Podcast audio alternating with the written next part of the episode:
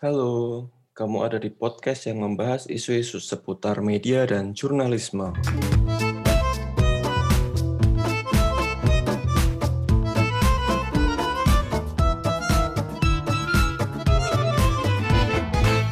Di episode kali ini, di uh, pertengahan Januari, saya ingin membahas isu yang mungkin buat sebagian besar pendengar podcast ini terasa jauh, tapi uh, menurut saya penting untuk uh, dibahas, yaitu tentang uh, pemblokiran uh, berbagai akun media sosial uh, mantan Presiden Amerika Serikat uh, Donald Trump. Nah, uh, buat yang tidak mengikuti politik Amerika Serikat mungkin uh, apa namanya uh, tidak terlalu mengikuti isu ya, tapi kurang lebih ringkasannya kira-kira uh, beberapa waktu yang lalu uh, berbagai perusahaan media sosial di uh, Amerika Serikat ya, seperti Twitter, Facebook, YouTube, Instagram dan uh, yang lain memutuskan untuk memblokir akun uh, Presiden Amerika, Amerika Serikat yang lalu ya Donald Trump.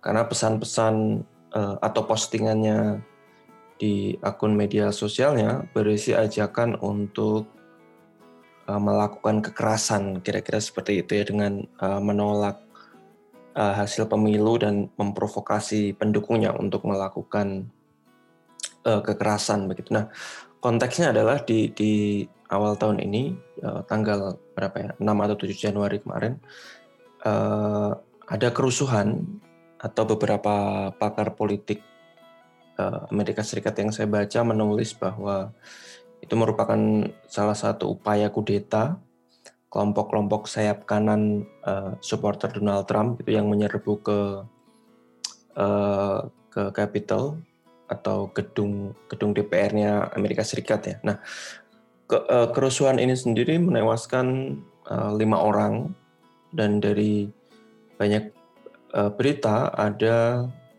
temuan yang yang menyebutkan bahwa ya kerusuhan ini uh, by design disengaja begitu dan apa yang disampaikan oleh uh, Donald Trump di berbagai postingannya di akun media sosial itu punya pengaruh penting dalam hmm, mempengaruhi atau mengajak para pendukungnya untuk datang ke uh, Capitol dan uh, melakukan kerusuhan untuk memastikan apa legislatif Amerika Serikat tidak mensahkan hasil pemilu 2020 kemarin. Nah, kenapa isu ini penting diobrolkan? Itu tentu uh, saya tidak akan masuk terlalu dalam ke politik Amerika Serikat ya karena mungkin dalam beberapa hal uh, tidak terlalu relevan untuk kita bahas tapi yang uh, juga ini bukan tentang Donald Trump kayak gitu benar bahwa Donald Trump selama bertahun-tahun belakangan menggunakan uh, media sosial sebagai arsenal atau sebagai senjata utamanya untuk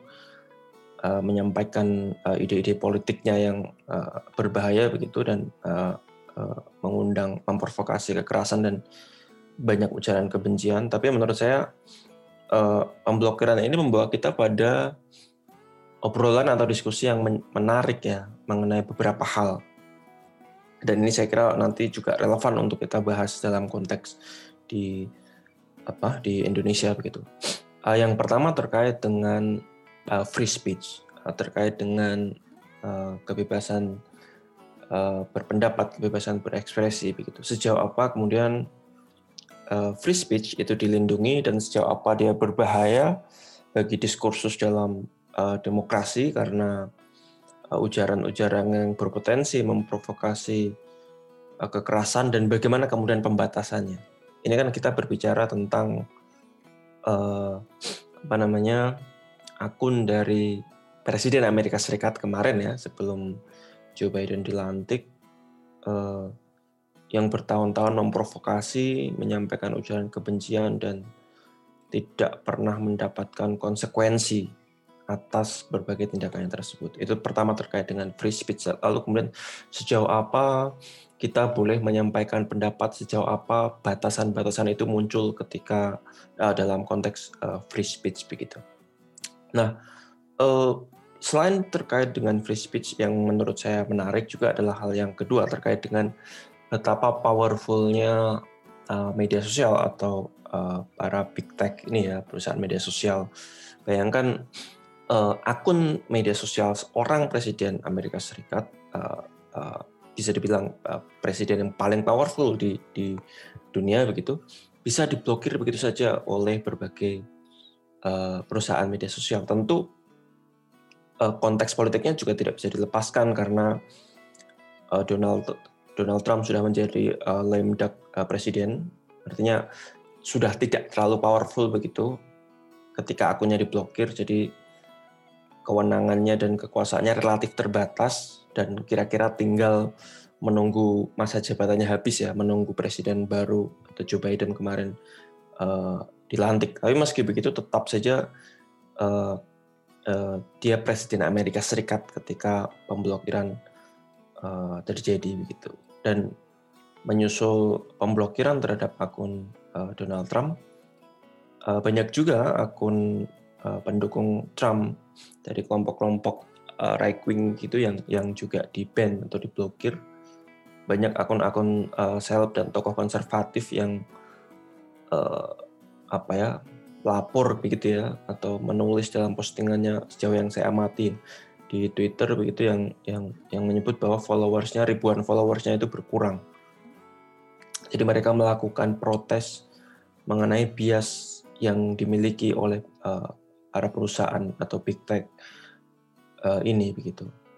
Ini kan sebenarnya membawa kita kemudian pada pertanyaan atau pada diskursus tentang seberapa berkuasa sih sebenarnya media sosial ini begitu tidak hanya dalam konteks pengaruh ya, pengaruh dalam arti ketika kita menggunakannya sejauh apa nah, media sosial memediasi konflik dan sebagainya, tetapi juga perusahaan literally perusahaan media sosial sendiri begitu.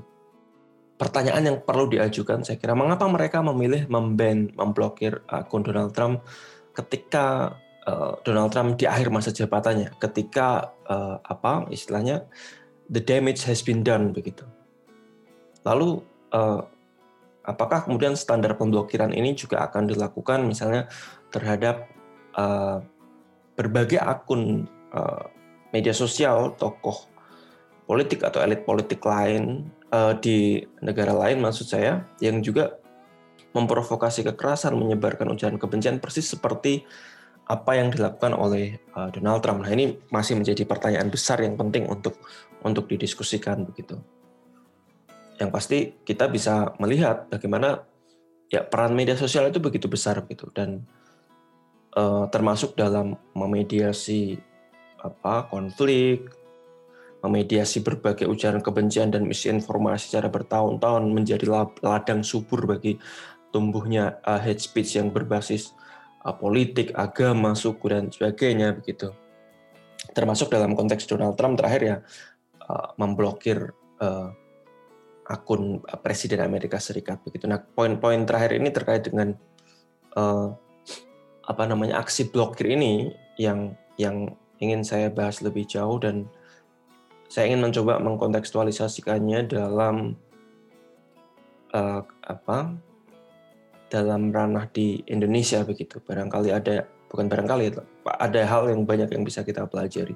Karena pertanyaannya kemudian apakah pemblokiran uh, semacam ini ya memban akun Donald Trump dan juga pendukungnya ini ya efektif gitu. Apakah kemudian uh, ini tidak ada bias politik begitu terkait tadi juga dengan free speech. Dan uh, dengan ujaran kebencian yang semakin masif, kemudian misinformasi yang merajalela, polarisasi yang begitu tajam, termasuk di Indonesia kita mengalaminya sendiri apakah pemblokiran menjadi menjadi solusi? Eh, kayak gitu. Dan bagaimana kemudian memastikan bahwa perusahaan media sosial para big tech di Silicon Valley ini tidak mengabuse powernya power yang dimiliki yang begitu luar biasa gitu karena kita bisa bilang bahwa ya memblokir uh, seseorang yang begitu powerful, yang punya followers, punya pengikut begitu powerful, itu tidak menjawab problem mendasar yang terjadi begitu. Dan dalam konteks politik yang lebih luas misalnya di berbagai belahan dunia kita dalam uh, situasi di mana pelan-pelan atau bukan pelan-pelan ya, semakin banyak penguasa di berbagai negara yang punya tendensi uh, otoriter begitu yang yang uh, muncul dalam beberapa tahun belakangan seiring dengan pasangnya gelombang populisme. Dan misalnya uh, saya ingat di bukunya Christian uh, Fuchs gimana ya menyebutnya Christian Fuchs uh, salah satu scholar dari uh, Westminster University University of Westminster di di London di Inggris uh, menyebut bahwa orang-orang atau para penguasa yang punya tendensi otoriter ini sebagai para demagog uh, digital.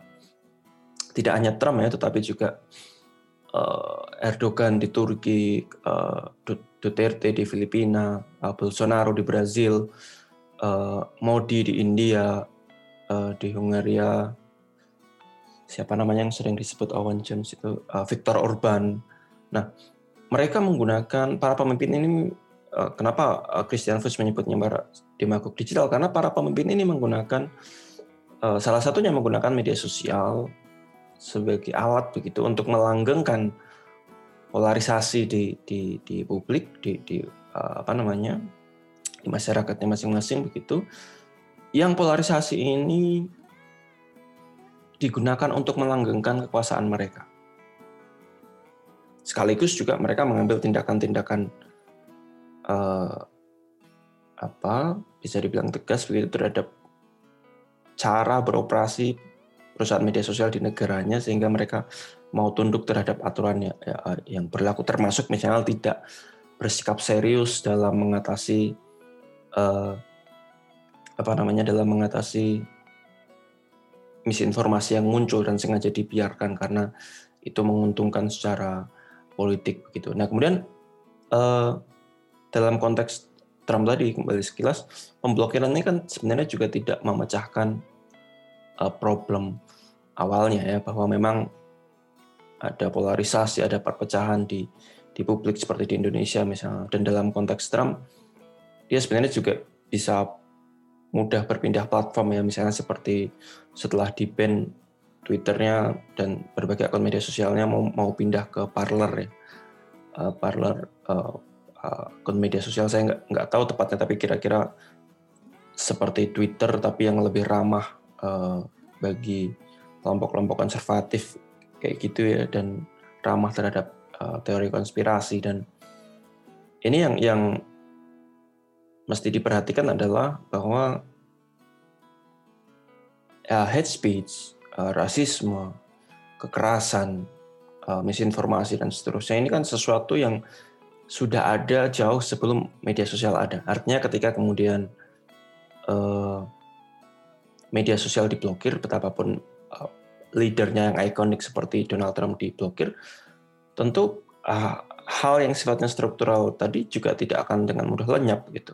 Keyakinan orang, kepercayaan orang itu uh, ideologi uh, ekstremis begitu dan teori konspirasi tidak akan mudah hilang hanya dengan kemudian memblokir uh, media sosial begitu. Karena uh, kita juga bisa melihat bagaimana ketika uh, sebuah media sosial memblokir pandangan politik tertentu itu nanti juga bisa memicu backlash. Akan muncul banyak platform lain yang kemudian juga semakin membentuk uh, apa namanya echo chambernya sendiri, bilik kemanya sendiri dan bisa jadi semakin mengeraskan uh, keyakinan politik masing-masing uh, apa namanya masing-masing pihak begitu. Ini yang juga perlu diperhatikan dan ketika kita berbicara sesuatu yang sifatnya struktural ya, uh, saya bilang struktural karena problem misinformasi, problem ujaran kebencian, problem populisme itu kan tidak melulu bukan tidak melulu, tidak muncul hanya karena media sosial muncul. Artinya ketika kita membayangkan uh, dunia uh, di masa depan yang kebencian itu berkurang, polarisasi berkurang, rasisme berkurang, kekerasan berkurang. Menurut saya kata kuncinya tidak terletak pada uh, blokir tadi, tetapi bagaimana kita mencari solusi uh, untuk memperbaiki existing structure ini, uh, existing political economic structure yang ada sekarang, gitu. Karena ketika kita berbicara perusahaan media sosial, media sosial dia sudah menjadi bagian integral dari uh, struktur yang kemudian me, me, bukan mendikte ya, tapi yang yang menjalankan bukan menjalankan apa istilahnya yang ada di masyarakat kita hari ini begitu. Artinya kita harus mencari penyelesaiannya juga dari problem sosial politiknya ini seperti apa. Gitu. Lagi-lagi kita tidak bisa menggunakan blokir sebagai solusi sebagai dalam konteks di Indonesia misalnya banyak sekali kebijakan blokir yang ternyata juga tidak memecahkan persoalan kayak gitu. Karena itu seperti membuang menyapu debu dan menyimpannya di bawah karpet. Debunya tidak hilang dia kita hanya uh, uh, men, apa supres itu menekannya di bawah uh, karpet yang sewaktu-waktu bisa muncul karena debunya ada di bawah karpet. Dan dan dalam konteks media sosial di Indonesia lagi-lagi memblokir ini uh, tidak cukup. Di Indonesia misalnya selama elit politiknya masih uh, memecah belah dan diuntungkan dari polarisasi itu, seperti yang kita lihat di di uh, di, di 2014, di 2019 di pemilu, ya pemblokiran lagi-lagi hanya akan menjawab problem di permukaan, tetapi tidak di akarnya. Nah artinya perlu ada upaya struktural perlu ada perubahan paradigma dalam dalam uh, melihat uh, apa namanya persoalan ini, persoalan ujaran kebencian, persoalan uh, misinformasi, persoalan uh, provokasi kekerasan di di media sosial uh, tadi begitu. Nah, uh, perlu juga ya selain rekomendasi uh, bagaimana mengubah dunia menjadi lebih baik ya dalam konteks media sosial tadi juga perlu memastikan bagaimana para perusahaan media sosial, para big tech ini tetap akuntabel dan tidak mengabuse powernya begitu. Saya kemarin membaca satu satu tulisan menarik ya di di The Guardian begitu yang menyebut ada beberapa hal yang bisa dilakukan oleh tidak hanya perusahaan media sosial tetapi juga uh, pemerintah uh, di berbagai negara ya tidak hanya di Amerika Serikat untuk memastikan media sosial itu bisa digunakan uh, dengan hal yang ideal. Misalnya memastikan perusahaan media sosial seperti Twitter, Facebook, YouTube, Instagram dan seterusnya ini bisa menegakkan aturan yang lebih ketat uh, terkait dengan uh, aturan internalnya ya terkait dengan online harassment, terkait dengan ujaran kebencian, terkait dengan hoax, misinformasi dan sebagainya gitu.